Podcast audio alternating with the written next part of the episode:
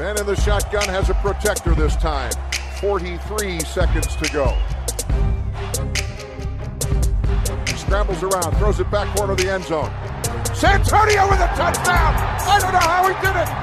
What a throw! What a catch! What a game! No, Mike 23, call 57. That! Suffocate him! Make him miserable! All game long! Get us the ball back! You could love him or hate him, but he was Brad. Hej och välkomna till veckans NFL. Lite senare än vanligt den här veckan för att vi hade lite annat att roa oss med. Eh, men vi ska äntligen nu sammanfatta Super Bowl 56 lite grann. Eh, Los Angeles Rams vann ju den matchen med 23-20 mot Cincinnati Bengals och eh, blev mästare på hemmaplan andra året i rad som hemmalaget vinner Super Bowl. Den spelar på i sin egen stad. Tampa Bay vann ju i Tampa Bay året innan. Så ja, vad var spontana reaktionen på det Lasse? Ja, att vi hade fel. eh, Där Rickard hade redan lagt eh, champagnen på kylning där. Att, att eh, Raiders skulle vinna nästa år. Men det var ju Arizona nästa år. Så att får vänta lite till det. Men det var inte det du ville ha spontan reaktion på kanske? Raiders chanser till nästa Super Bowl. Exakt det som kändes mest aktuellt. Nej, spontan reaktion på att Rams vann eller? Eller eh, det stora Ja. hela?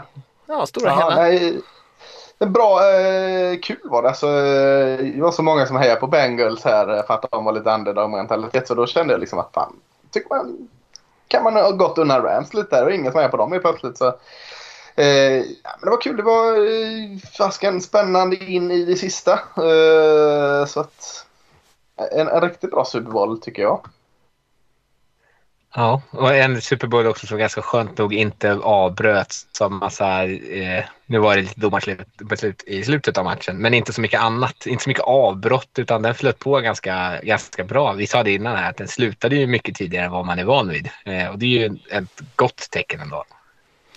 Ja, Ja, verkligen. visst. Ja, det kändes som en snabb Super Bowl. Ja, nej, det var inte så mycket domarfokus. De i slutet tyckte jag inte var så mycket att snacka om. Det var lite petigt, men det var inte något som var så absurt fel. Det hade ju kanske varit en större grej om Bengals hade lyckats ta den där segern så kunde det kanske spelet med Ramsey där ha blivit lite av en snackis med face masken. Men jag tänker att vi kanske kommer till det sen. Jag, ty- jag tyckte också det var en ganska bra match faktiskt. Den var inte, jag tyckte inte den var så här topp toppmatch. Men det var ju kul att det är jämnt och det är ju liksom det absolut viktigaste. Särskilt när man sitter där i natten och vill att det ska vara lite spännande liksom och du ska knyta ihop säcken på säsongen och allt det där. Då vill man ju helst inte ha en utblåsning. Blev ju lite sömnigt där lite grann i mitten på matchen kändes det som när defensiven på båda lagen egentligen tog över ganska mycket. Och det var mycket three and outs och mycket puntar och såna här grejer. Men det är ju kul att se lite försvarsspel också.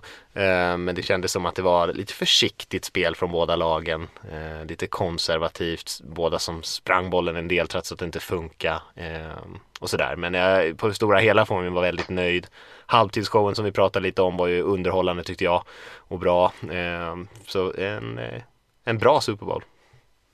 Ja, men, men alltså med en bra Super Bowl, för mig är det inte det viktigaste att eh, kvaliteten är den bästa. För att eh, man har fått så mycket matcher genom hela säsongen där kvaliteten har varit upp och varit ner och allting sånt. Så det är inte det viktigaste. Det viktigaste är att den ska hålla nerv in i det sista. Eh, och så kan kvaliteten dippa möjligtvis eh, så länge nerver finns där. Det, det tycker jag är grundreceptet just Super Bowl. För det, där är jag inte lika kräsen att liksom att eh, eh det ska vara toppspelen. Utan bara spänningen. Det, är alltid eh, eh, nyckeln till framgång i en match att hålla spänningen vid liv om man inte har någon liksom, eh, häst i racet. Men, just i Super Bowl tycker jag det är ännu mer viktigt. Eh, och det höll den verkligen här tycker jag.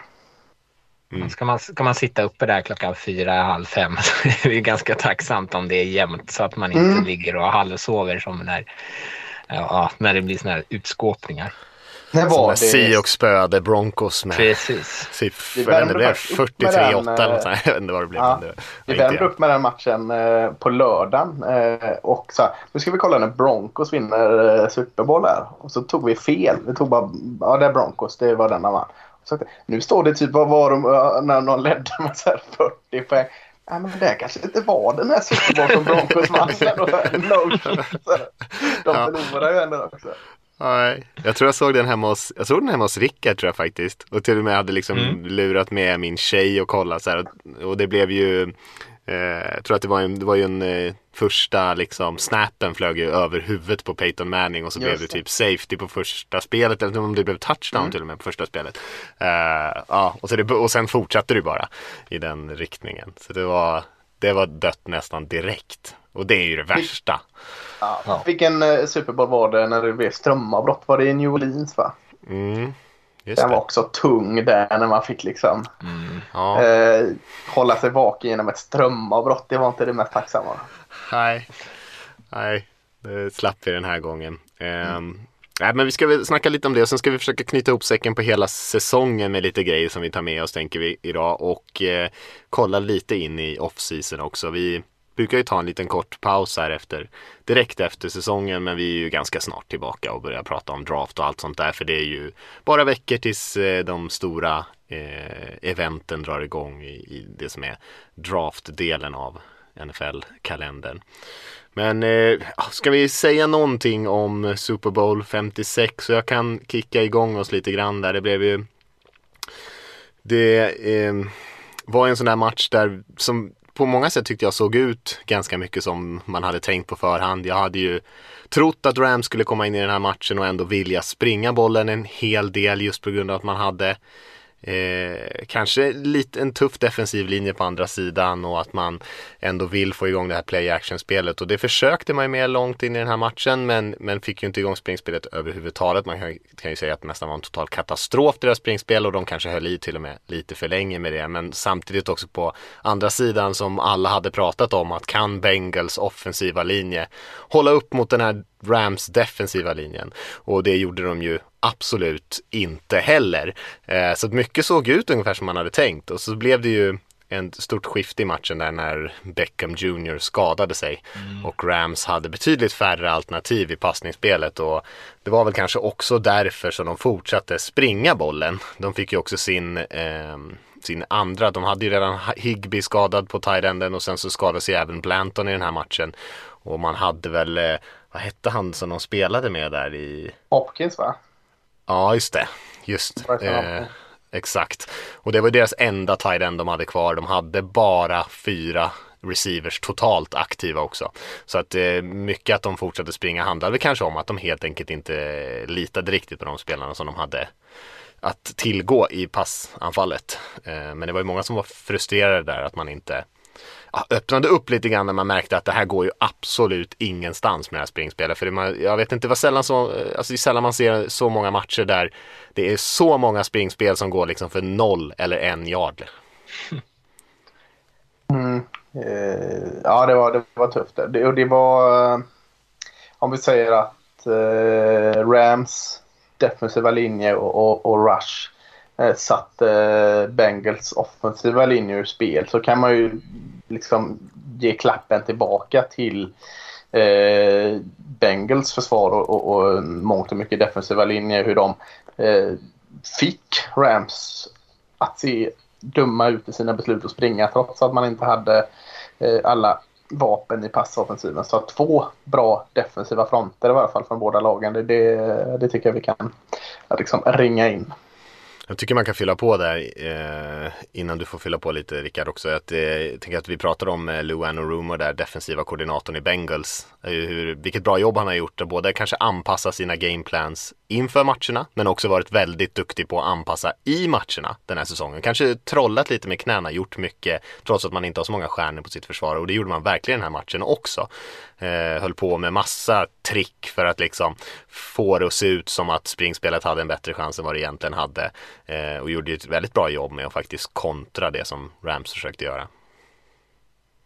Ja, jag tänkte precis säga det, att det handlar ju lite där, alltså, när man fortsätter springa, springa, springa så ser det ju dumt ut. Men många gånger så kanske man liksom före själva snappen har, om man räknar spelare i boxen och så, att man liksom har en fördel. Och sen så sker en skiftning i försvaret eller att det kommer en safety som man inte har liksom förväntat sig som fyller på direkt. Eh, eller vad det nu än kan vara. Eh, som liksom pluggar igen de här hålen som man trodde man skulle ha. Eh, men sen ligger det lite i, så här, Rams behöver ju springa eftersom att deras passanfall bygger så mycket på att de ska kunna köra bootleg och play action-spel och och så blir de alldeles för enformiga. Då blir de ju inte heller lika effektiva. Nej, och eh, som sa med deras tight ends där med Blanton eller som Blanton gick ner då och Hopkins var den enda som var kvar. Han är ju inte heller den typen av blockerande tight end heller Nej. riktigt. Eh, utan snarare en, en lång, ganska tunn typ. Eh, så det påverkade ju också kanske hur framgångsrik, så även fast man kände att man har en bra lucka här bara liksom tight enden sätter sin block och sådär på kanten så torskar man ju oftast de blockarna. Och då är, så såg det kanske bra ut innan men man kom ändå ingenstans liksom. Jag tycker det är kul det här med, eh, du har ju lyft honom innan och Rickard har gjort det också, här, om eh, Lou Anarum och DC, defensiva koordinatorn i Bengals. Hur han eh, formar laget efter vad han har. För jag tänker, eh, vi pratat ner Trey Hendrickson, Jesse Bates och alla dem och sen Hubbard. Men en sån spelare som Logan Wilson som, som jag visserligen gillade när han kom ut ur draften från Wyoming. Men jag gillade han mest som att det är någon att ta i nedre rundorna och kanske liksom en fin rotationsspelare i NFL. Liksom, han spelar mycket med hjärta och energi och kanske saknar andra delar. Hur han får, om man tar den här supermatchen, Logan Wilson mot Spring var ju ja, en stjärna där. Liksom. Eh, Och hur, hur han ser vad, vad han kan göra och liksom få ut allting av Logan Wilson. För jag gillar fortfarande Logan Wilson. Och, och- men jag, jag, alltså, han överpresterar. Jag, jag är en bra spelare men han får honom att överprestera. En sån typ av spelare. Alla, nu ska jag inte säga alla, men många kan få Aaron Donald att spela som Aaron Donald spelar. Han är en freak liksom. Och, och eh, Von Miller och dem. Men en sån som Logan Wilson som är liksom alldaglig, lite gammaldags. tight eller linebacker emellanåt som spelar med mycket energi, hjärta och, och vilja men, men saknar en hel del annat. Och han får honom till att bli liksom, ja kanske Bengals bästa försvarare den här matchen, eh, hur den utspelar sig. Det tycker jag är kanske mest imponerande. Han såg ut som rena rama Luke Kuechly där. Han sprang Ja, igenom verkligen. luckorna och tacklade running backs Ja. i backfield och såna här grejer. Och det är ju ett bra jobb av Anarum och gänget att liksom se till att han har den. Han får springa ganska fritt. Han får liksom eh, attackera hålen utan att få någon blocker på sig och för, för det mesta och sånt där. Och det är ju ja, bra att veta var man har styrkorna i sina spelare. Ja, ja det är jäkligt snyggt. Mm. Eh, ja, vad, vad ska man mer säga tycker ni om den här matchen? Finns det någonting mer på det liksom övergripande att lyfta? Jag vet inte om det är så, för att, eh, men det kändes som att det tog slut lite för Joe Burrow. Alltså att han toppade formen en match för tidigt. Eh, eh, visst, man kan skylla på att en offensiv linje inte gjorde det, men det klarade han ju av innan när den rasade samman. Det kändes inte riktigt som det var den Joe Burrow mot den här matchen. I varje fall inte så tydligt som det varit innan över en hel match. Han hade ett par riktigt fina passningar men det kändes inte som det gick att luta sig mot honom på samma sätt eh, som det gjort innan. Eh, jag, tyckte att Rams också gjorde ett ganska bra jobb i att liksom veta hur de skulle försvara. För att de, det kändes som att de visste, eller åtminstone efter de första två, tre serierna så visste de att så här, okej, de försöker få ut bollen liksom under två sekunder. Och då kunde de spela ganska aggressivt, pressa ganska rejält och sitta och, vänta på att de här slantsen som Bengals gillar att kasta, att liksom de kunde plocka bort dem. Och behövde Burrow liksom vänta en extra halv sekund så det, framförallt i andra halvlek så hade han inte riktigt den halvsekunden att, att utnyttja. Nej, det är sant. För de, de tvingade ju de att spela ganska konservativt och fegt Mm. liksom, i, i passspelet. Det var eh, väldigt så här, försiktigt. Vi, vi sa det innan att man skulle gå ut och känna lite på varandra i början. Det kändes som det krävdes så här, liksom, kniven på strupen varje gång jag bara skulle göra de här långa bomberna till, till Higgins och, och Chase. Eh, eh liksom, det var inte, de utgick inte från det som de kanske hade gjort innan när de liksom sa eh, skitsamma, vi kör för att vinna. Här var det lite sån här...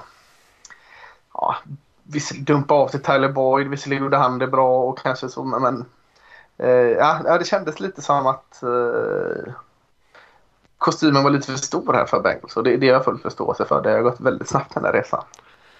Ja, det kändes ju som att Rams var det bättre laget liksom, även fast det blev väldigt jämnt. Ehm, och Bengals kunde ju mycket, mycket väl ha vunnit den här matchen. Det ska man vara väldigt tydlig med tycker jag också. Att det var ju små marginaler och det var absolut inte självklart att Rams skulle vinna i slutändan.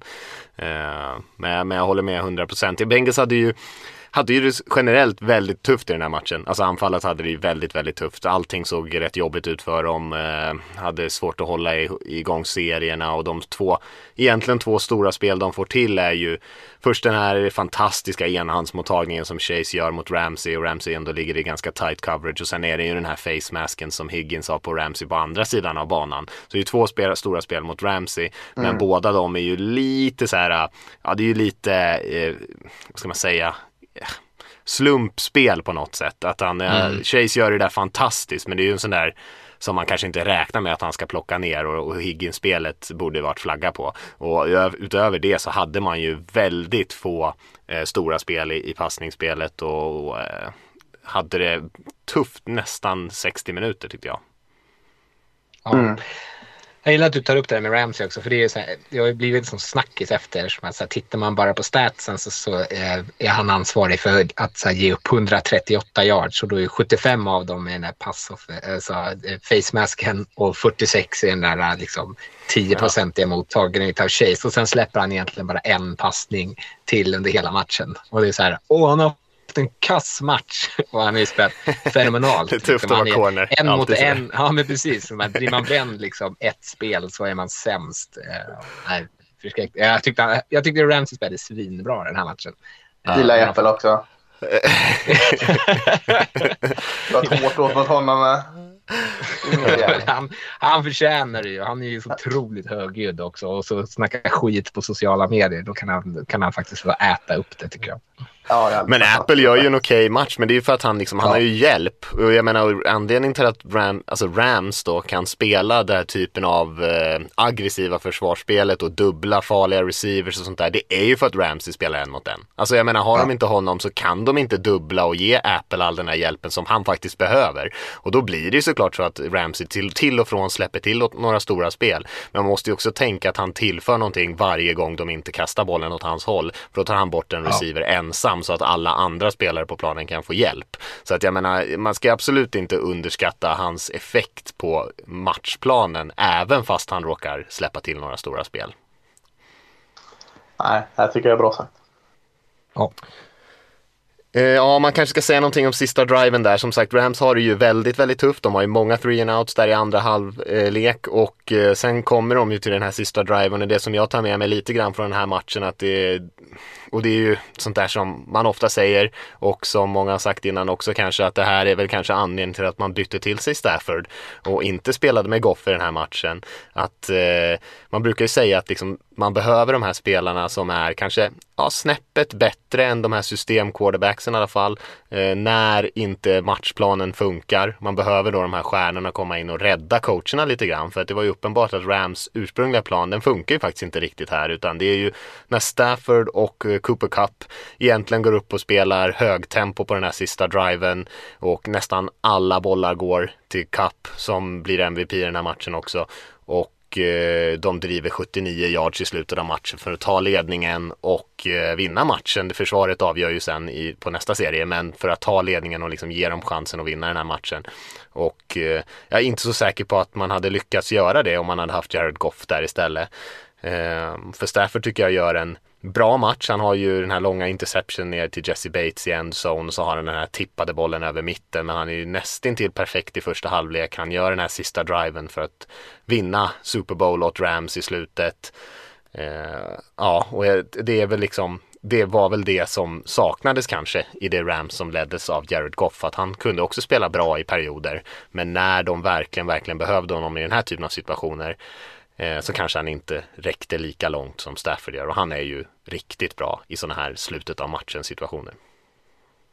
Han vågar i varje fall. Alltså, eh, visst, han hade två picks här så, men, men eh, man behöver den som vågar ta och lägga den här passen. Man vågar eh, inte är så rädd att förlora för man är rädd att slänga picken utan man är mer liksom ser möjligheterna istället för hindren. Och, och där är det ju därför ibland går det åt helsike och då ser han bedrövlig ut eller man tycker han ser bedrövlig ut. Men, men eh, ja, jag håller med dig. Goff hade kanske inte vågat detta och det känns till viss del som att Joe Burrow också inte vågade eller inte fick chansen att göra det på grund av då kanske det är ett bra försvarsspel. Men, men Stefford, ja du får ju det liksom. Någon som driver för vinst. Och ibland funkar det, ibland funkar det inte. Men det finns ju inget värre än när du har någon som inte driver alls. Liksom, så att det blir eh, eh, tre och ut varenda jäkla gång. Så eh, ja, det, det tycker jag eh, kändes tryggt att liksom gå in i slutskedet av matchen med Steffo där. Den där no-look-passningen som har cirkulerat på sociala Ja, medier, vad det är väl på sista serien? Eller alltså på deras på Ja, det sista är det väl, Mm. serie. Ja. Ja. Och det ju säger ju också en del om självförtroende. Den är ju fantastisk och det säger också en del om självförtroendet att han bara, nej men nu gör jag nog en no-look-pass. Det, det är jävligt coolt. Och det var jävligt coolt. Eh, Och den satt ju. Ja, det borde men det- stå i varenda sån tweet eller social, sociala medier-grej som sprider den att det är i sista driven i Super Bowl också. För att, visst, Ja. den är stor i vanliga fall, men så, så gör QBs emellanåt. Men på liksom när matchen, den största matchen eh, på året liksom, eh, som man inte kommer till hur som helst. Då gör han den. Det, det, det, gör, det gör den, lyfter den ännu mer till att vara helt jäkla fantastisk.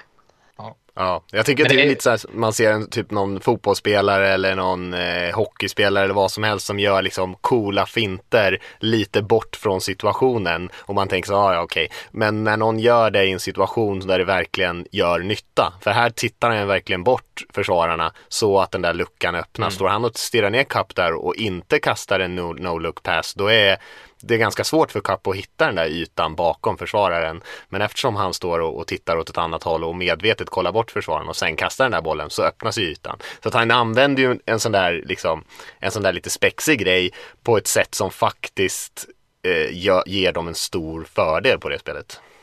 Ja, jag är också imponerad av, jag vet inte vilken Bengalspelare det är där i mitten, som ändå läser det ganska bra tycker jag.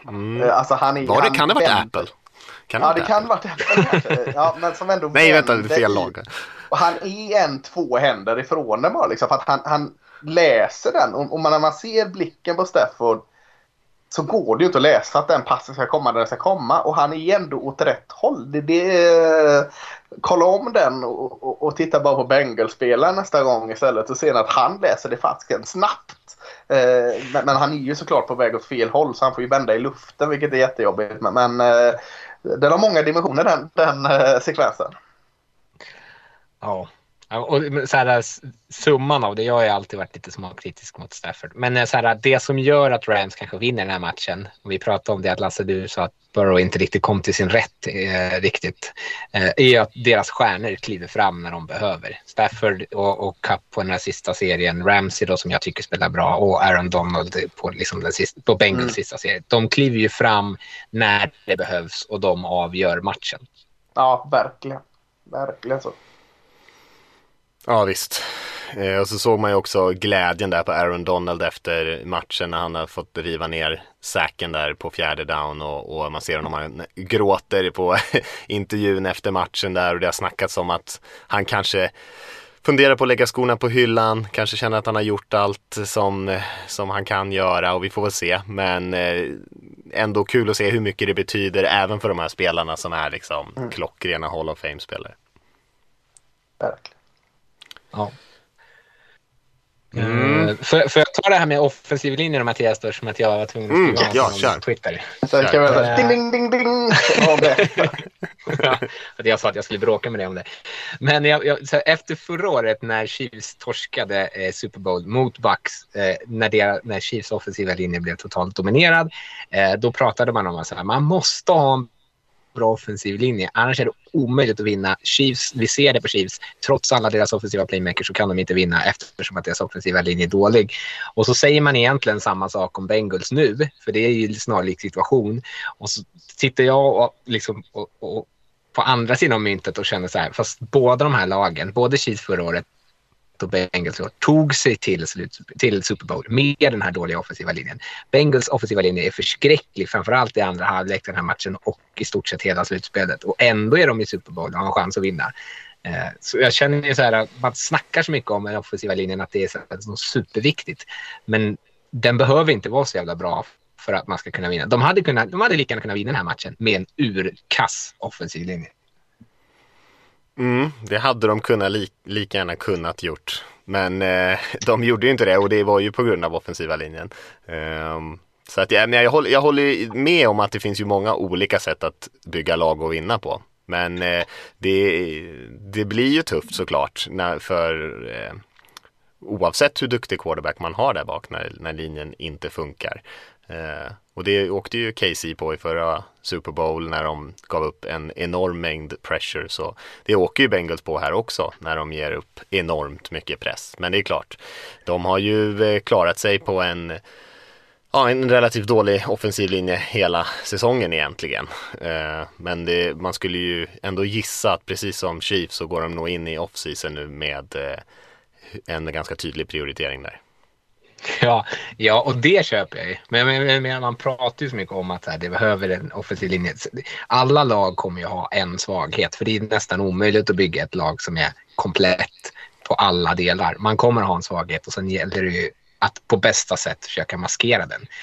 Rams offensiva linje är inte heller speciellt bra, men tittar man på rankingar och så, så är den ju mycket bättre eftersom att de är väldigt duktiga på sitt play action-spel och bootlegs och allt möjligt för att underlätta och liksom ta bort den här tidiga pressen på sin offensiva linje. Eh, så det handlar ju bara om så här, hur kan vi maskera våra liksom, luckor bäst? Bengals gjorde det genom sina offensiva playmakers som eh, under resten av säsongen har så skapat allting. Och det, jag skulle ju snarare säga att ja, ett av problemen är att den offensiva linjen inte eh, håller emot förstås. Men det andra är att de inte lyckas utnyttja sin styrka för att liksom, eh, kompensera den offensiva linjen. Kan de inte få det då, linjen? Alltså de, de får ju ingenting. De får inte röra bollen. De får ingen rolig step. Eh, de får inte vara med och utplocka det i sådana här fantasy-lag. Och, eh, de får bara vara där. Kan de inte få det också, att de är den viktigaste lagdelen i varje lag? Då? Så, så kan de, tycker jag. Så det är, något ska de fan ha, de här stackarna. Ja, unsung heroes. Ja. Ja. Jag, jag tror, jag tror att man kan vinna med en bra offensiv linje. Eller att jag tror att det är viktigt att ha en bra offensiv linje. Men det är ju inte allt som det liksom pratas om i år igen på något vis. Nej, det är väl klart att det inte är, men mycket av de sakerna eh, som eh, Alltså när, när man ser lag med bra skillspelare, bra QBs, kanske eh, liksom bra springspel, vanligt eller bra running backs rättare sagt och så känns det som att så tragglar det jäkligt mycket ändå. Då är, är det ju ofta just för att offensiva linjen eh, inte lyckas hålla upp tillräckligt länge eller flytta på spelare tillräckligt mycket för att man ska kunna göra det som man vill. Liksom. Och då blir det, det blir väldigt mycket jobbigare. Jag tror att det går att spela runt det på olika sätt, precis som du kan spela runt och ha en dålig defensiv linje, eller ett dåligt secondary för den delen. Om du liksom har en bra, har, har en bra linje så kan du klara det med lite sämre corners. Har du bra eh, liksom, corners kan du klara det med lite sämre linjer. Det är väl samma sak här egentligen. Har du ett liksom, snabbt passningsspel eh, och en duktig quarterback så är det klart att du kan kompensera för att din passblockering kanske inte är 100 procent men eh, man hamnar ju ofta i de där situationerna att man måste då eh, kanske trolla lite grann och det ställer ju väldigt höga krav på, på den offensiva staben liksom. Att man eh, är lite extra kreativ. Men det är klart det går, det, det håller jag med om. Men eh, det blir jobbigt.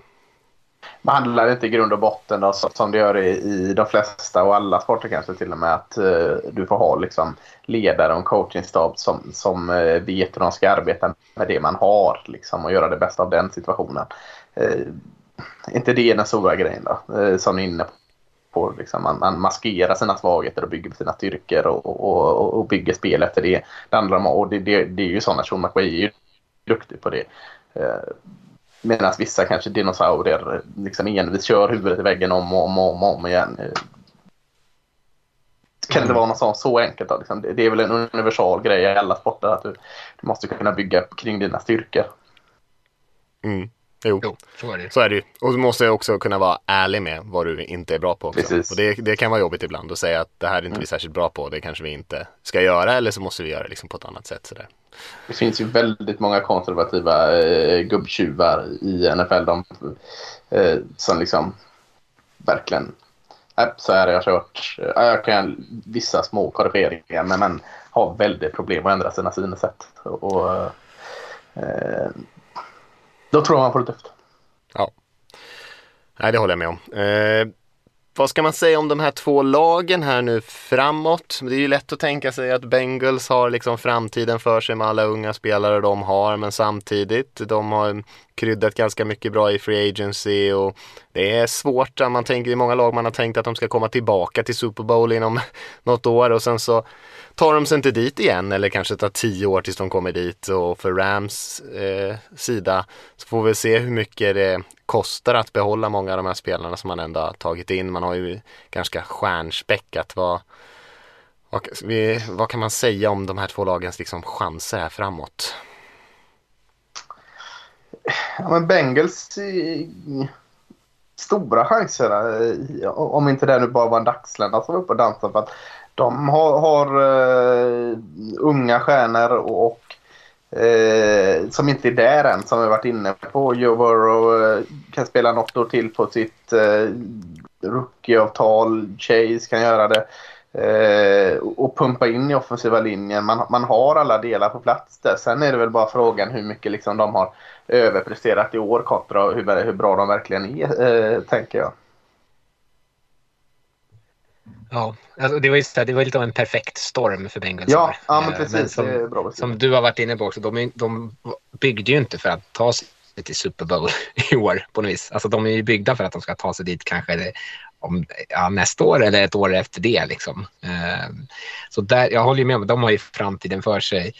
Eh, och tittar man på Rams så känns det, de har ju pansat mycket av sitt. Eh, det har ju pratats mycket om att de har skeppat sina eh, höga draftval. Och det, priset av det är ju, ja, förutom att man inte har sitt draftval då, men är att man sign, måste ju signa alla de här eh, stjärnspelarna till stora kontrakt. Eh, OBJ ska ju, de har de ju inte kvar efter säsongen. De har ju knappt något cap space. Jag vet inte om de ska lösa det där. Eh, Aaron Donald håller ju på att vifta med pensionspapperna om man inte får, ja, om det är vad som verkar enligt mig som en liksom, sätt att försöka förhandla upp en högre lön.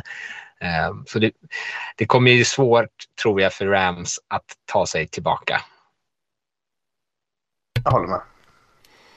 Kanske. Jag tänker vi får se lite grann eh, som sagt hur de löser det där. Det är ju, vi har ju sett många lag spexa till det ganska rejält med lönetaket och mycket går om man liksom är villig att pantsätta framtiden lite grann. Men eh, mm. Ska vi eh, säga så om Super Bowl? Det, eh, det var eh, två lag som, ja, Rams hade man kanske räknat med men ingen självklarhet och eh, kanske de var där. En ganska bra story ändå tycker jag och Bengals var ju väl ingen som räknade med och var ju verkligen en Askungesaga. Så det var ju kul matchup på det sättet.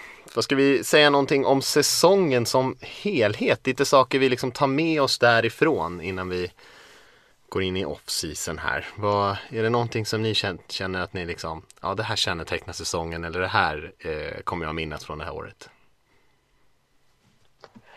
Ja, jag, jag, kan ta, nu har det ju inte varit, det har varit vissa covid-grejer, men det känns som att många av de här lagen som man har räknat med eh, och där man har drabbats av skador, Buccaneers, eh, OBJ nu i eh, Super Bowl bland annat, men att det är djupet på trupperna känns det som att det är en så viktig sak att man inte kan liksom leva och dö med att man har en superstjärna. Och nu när säsongen är en match längre också så finns ju också en ökad liksom skaderisk eller liksom förslitningsskador.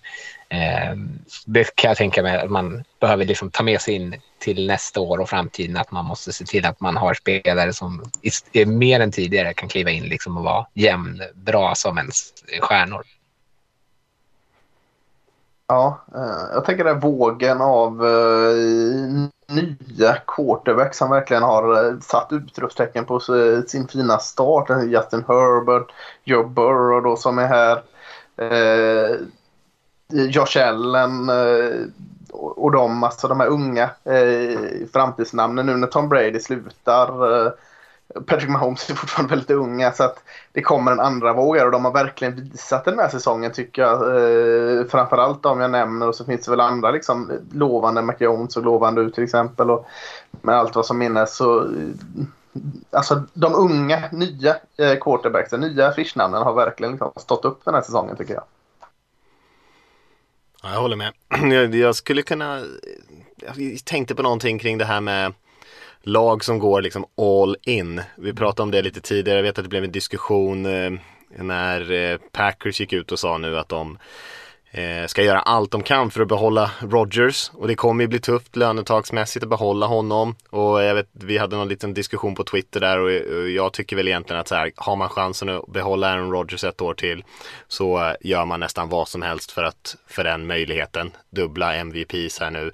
Eh, ska man ha chansen att gå hela vägen så är det ju det den bästa vägen. Jag tycker vi såg Tampa Bay Buccaneers som verkligen gick all in förra säsongen och även kanske inför den här då. Eh, för det första då med Brady kom dit men sen så gjorde de ju massor av värvningar och, och byggde upp en riktigt liksom bred, stark, tung trupp och offra framtiden lite grann och vi ser det med Rams också som har gjort många aggressiva byten. Ramsey lite tidigare, Stafford såklart som var väldigt dyrt. Man tar in Beckham Jr. Eh, och alla de här grejerna är ju det som gör att de i slutändan kan vinna Super Bowl och samma sak för Tampa Bay såklart. Så att eh, det är, det är tufft i NFL, det är jäkligt jämnt och ska man ge sig själv en riktigt, riktigt bra chans så måste man kanske eh, verkligen utnyttja det här korta fönstret man har ibland och verkligen gå all in, kanske tänka att eh, man gör den här satsningen i två år eller något sånt där och åren efter, då får man liksom ta det problemet sen lite grann. Så lite en sån trend tycker jag som fylld, liksom, följdes upp här efter Tampa Bays ja, stor satsning får man ändå säga att Rams gör ungefär samma sak. Mm. Ja, men det är bra. Intressant. Jag hoppas ju lite du har fel där. Jag önskar ju mer mm. sådana här att uh, bygga igenom draften och ta den vägen. Uh, mest för att jag är en sån sucker när det kommer till draft. För, för, funkar den här liksom rakt igenom så betyder ju inte draften så mycket när det kommer till egentligen. Och det, Nej, jag man, man, måste, man måste ändå drafta bra. Det har man gjort i Tampa Bay och Rams egentligen med de få valen som Rams mm. faktiskt har lagt. Men de har ju träffat på många, många av de valen de faktiskt har gjort och ofta lite kanske senare i draften. Så jag tror man måste ha både och. Men när man väl känner att nu har vi träffat på rätt mycket draftval, vi har en bra QB, vi har några liksom intressanta veteraner, då kanske man ska bara gå det där extra steget och ta in liksom två, tre spelare till. Liksom. Det kan aldrig bli för mycket för man vet inte var skadorna kommer någonstans, man vet inte vad som händer under säsongen eh, och verkligen maxa den chansen. Men man måste göra allt det där grundjobbet som du pratar om Lasse först tror jag. Jag tror inte det, man kan inte ta någon genväg förbi draften, det tror jag inte funkar. Tack. Lite tröst. Jag, hugg, tänker jag hugga på det bara för det. Och vet, jag tycker att man ofta pratar om de här draftvalen som liksom någonting alldeles för heligt. Eh, och om det är någonting man kanske tar från båda de här lagen som spelar Super Bowl, dels Rams då som är väldigt tydligt att de skeppar alla sina första underval, men också Bengals att man via Free Agency har lyckats hitta de här tongivande spelarna som faktiskt gjorde att det var möjligt att ta sig hela vägen hit. Att man måste kanske släppa den här övertron till, eller äh, övervärderingen av draftval och bara se alla sina free agent pengar, eller alla pengar man har och alla sina draftval som en gemensam liksom, eh, man säga, summa som man kan använda sig av och hur man använder sig av det spelar ingen roll. Eh, det ligger för mycket prestige tycker jag i att man ska drafta sitt eget lag, spelare, man ska bara signa sina egna killar. Tittar man på Twitter och hela sportvärlden så tycker jag alla att Rams, eh, liksom, att deras trofé inte liksom är lika mycket värd eftersom att de har bara signat en massa spelare. Men fan bryr sig? Det handlar om att vinna. Hur får jag så bra värde av det jag har som möjligt? Är det att skeppa ett spel Eh, skeppet första rundeval, ja, ja, då gör jag det. Är det att eh, välja Joe Burrow först med första valet, ja, då gör jag det. Liksom. det. Så jag tycker att hur man än samlar på sig talang spelar ingen roll så länge man samlar på sig talang. Är det här ett eh, försvarstal, önskescenario med tanke på hur Raiders har draftat de senaste åren? Ja, fan, vi borde ju bara skeppa alla våra. Det är förskräckliga. ja, men det, man kan ju ta det som ett exempel. Liksom alla de här lagen, så typ som Raiders. Trada bort Khalil Mack. Ja, Ja, men precis. Eller andra lag som skeppar bort bra spelare för att samla på sig pix. Och sen så, ja, men vad resulterar de här pixen i? Ja, det är svinkul när man väl har dem, men de är inte värda någonting förrän de är en ny bra spelare.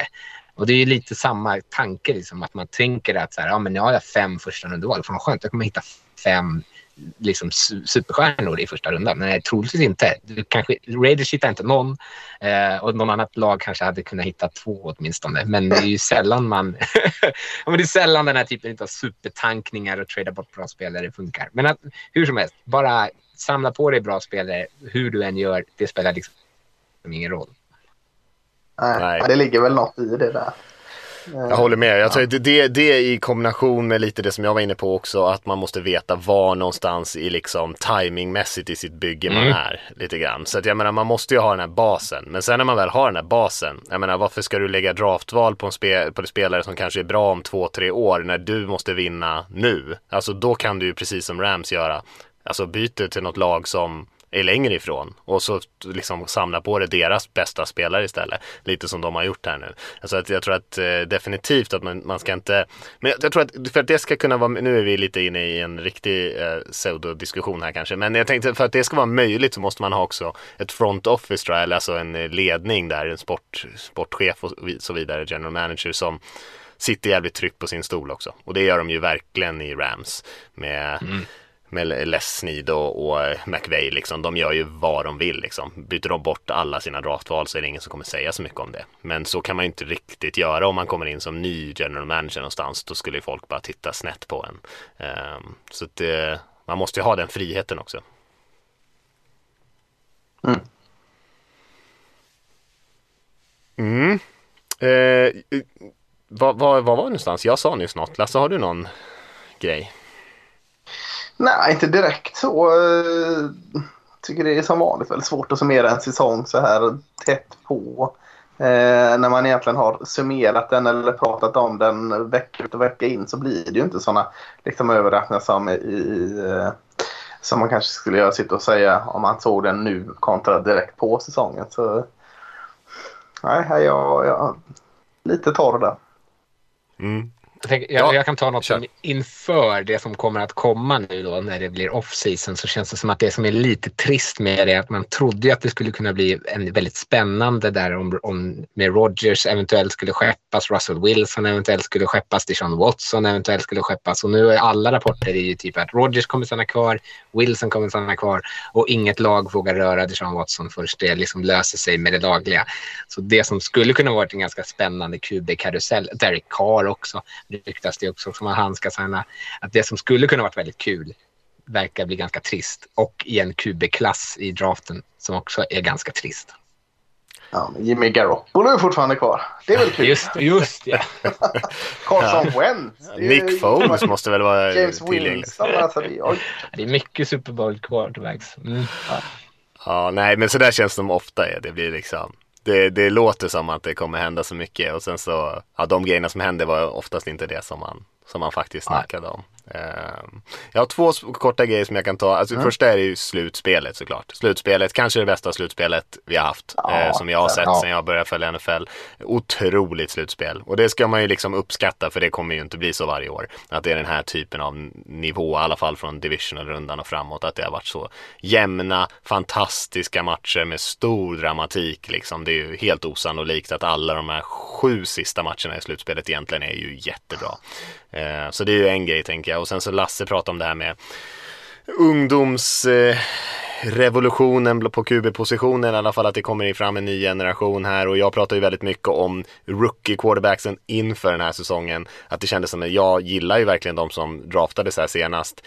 Eh, men de får man ju ändå säga har varit lite av en besvikelse, eller de har varit en besvikelse ska man säga, tycker jag. Eh, förutom Mac Jones då som har levererat för Patriots så har det ju varit eh, en eh, en säsong som är lätt att glömma när det gäller de här rookie quarterbacksen och vi får väl hoppas att det ordnar upp sig i deras andra år och vi får se några av dem blomma ut. Men eftersom jag pratar om det så mycket inför säsongen så ska jag väl ändå vara eh, ärlig och säga att det blev inte riktigt så eh, imponerande och spännande som jag hade hoppats på.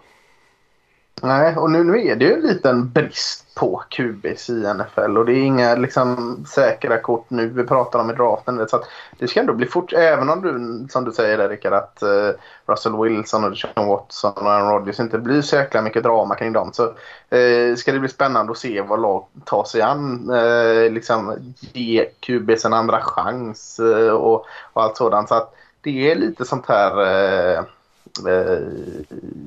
vad säger man, Eh, en klyfta me- mellan eh, när vi hade så gott om QBs till att det kanske inte riktigt är eh, så givet att ha en bra QB. Så att det, är ändå spännande ur det aspektet att följa och se vilka vad, vad Steelers gör och Colts och, och allt sådant. Hur de och Cleveland Brown. Så det finns ju behovet för QBs liksom, eller snacket. Så att det ligger fortfarande och det, det är lite kul att se hur, hur liksom, var vissa QBs landar här under offseason.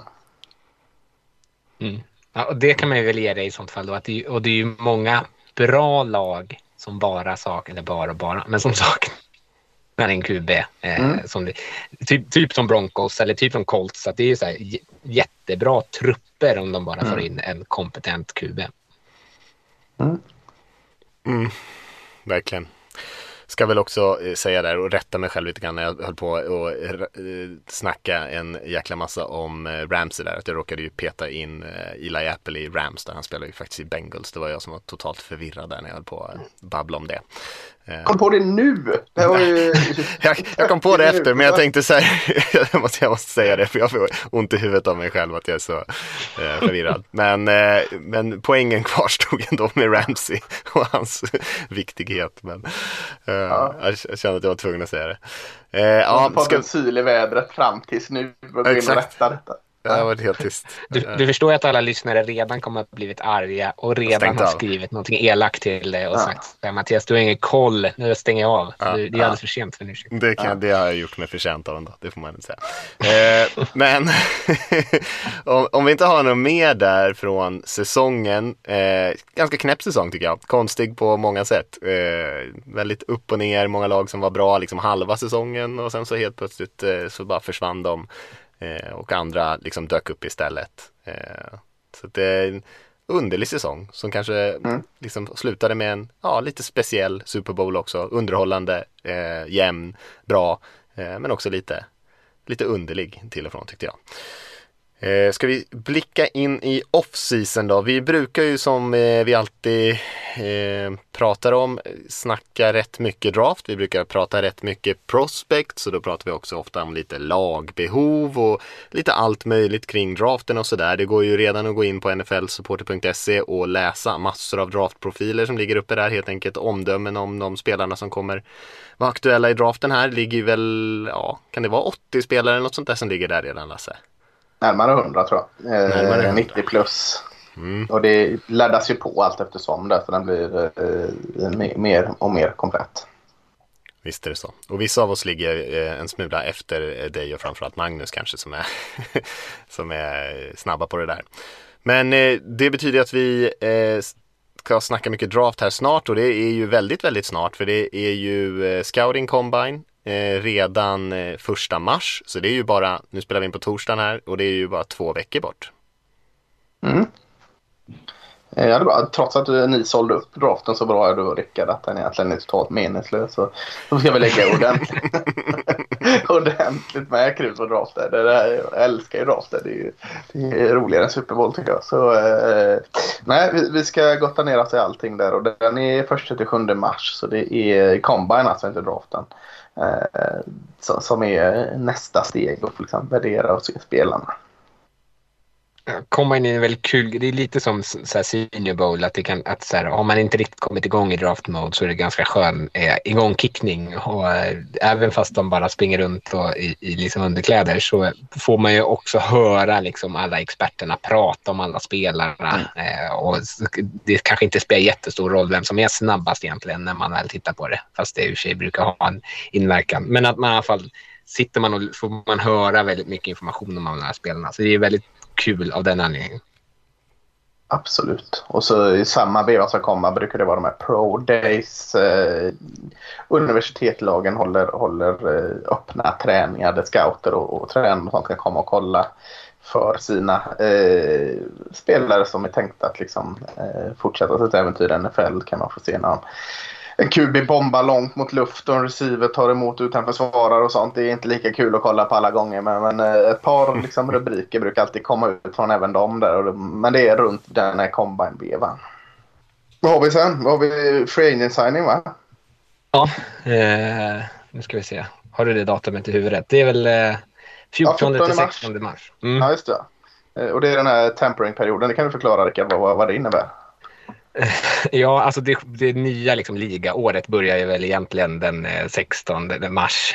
Men tre dagar inför så får man börja förhandla med spelare på andra, som är i andra lag. Nu liksom, Raiders skulle inte nu få ringa till en spelare som kommer att bli free agent liksom under uppehållet ännu liksom för att prata och förhandla kontrakt. Så 14 mars är första gången som lag egentligen får ta kontakt med spelare som de skulle kunna vilja signa. Eh, och sen får de ju inte skriva på någonting egentligen officiellt förrän den 16. Men eh, det, ja, eftersom att allt bara görs bakom kulisserna annars så har man liksom låtit det och så har man bara satt en liten lampa bakom kulisserna. Eh, och då, då alla de här stora eh, kontrakten och så brukar ju komma ut eh, under den här perioden. De största spelarna, de största free agents brukar ju signa relativt fort. Lag brukar vara ganska ivriga med att signa så snabbt de kan. Ja, precis det. Och det är de, de stora namnen först. Om vi pratar Super Bowl så har vi både Von Miller och Odell Beckham Jr. som, liksom ligger, som kommer vara de här snackisarna tidigt. Och så sen eh, håller ju det på eh, långt, långt, långt fram. Ända fram till träningslägren egentligen. Eller hur, hur, länge får det hålla på? Det får hålla på hur länge som helst va? Ja, alltså är du inte signad så är du inte signad först du signas. Nej, du kan ju signa någon i september. Om Kolla du... Eric Wardle i, i uh, Rams som blir signad uh, i conference-finalen. Så att det, det, kan hålla på länge. Men, men allt som oftast så brukar liksom det tunnas ut och uh, kanske blir, uh, kanske fel att säga, men mindre intressanta namn i vecka 5, 6, 7 än vad det är första veckan. Ja. Så är det. Det brukar också bli lite trades där och även av draftval och sådana här grejer. Så det händer ju ganska mycket spännande grejer eh, runt om där. Det är kanske lite skillnad nu när vi inte har några solklara toppkuber som vi hade i fjol då det var väldigt spännande vilka som skulle positionera sig var för att ta vilken quarterback mm. och sådana här grejer. Men det blir alltid något spännande som händer. Mm.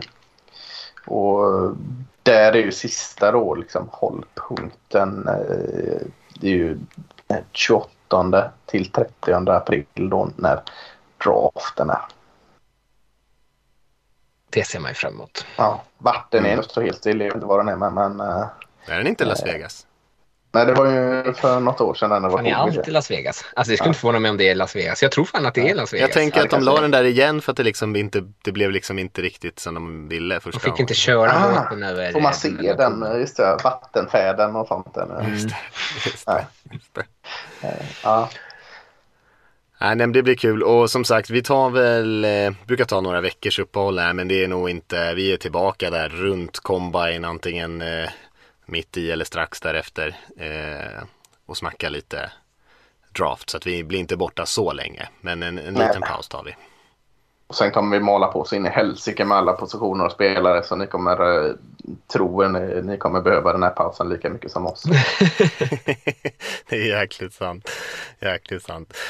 Ja, nej men vi kanske ska ta och runda av. Vi kan väl säga så här, eh, tack till alla som har lyssnat som vi brukar göra när vi rundar av säsongen här, att ni har hängt med oss hela året. Eh, det har varit eh, lika kul att podda den här säsongen och det är ju såklart på grund av att eh, det är så många som lyssnar och hör av sig och ger lite feedback och det blir diskussion och eh, vi är så tacksamma för att ni är med oss och eh, hänger med oss förhoppningsvis här under off-season.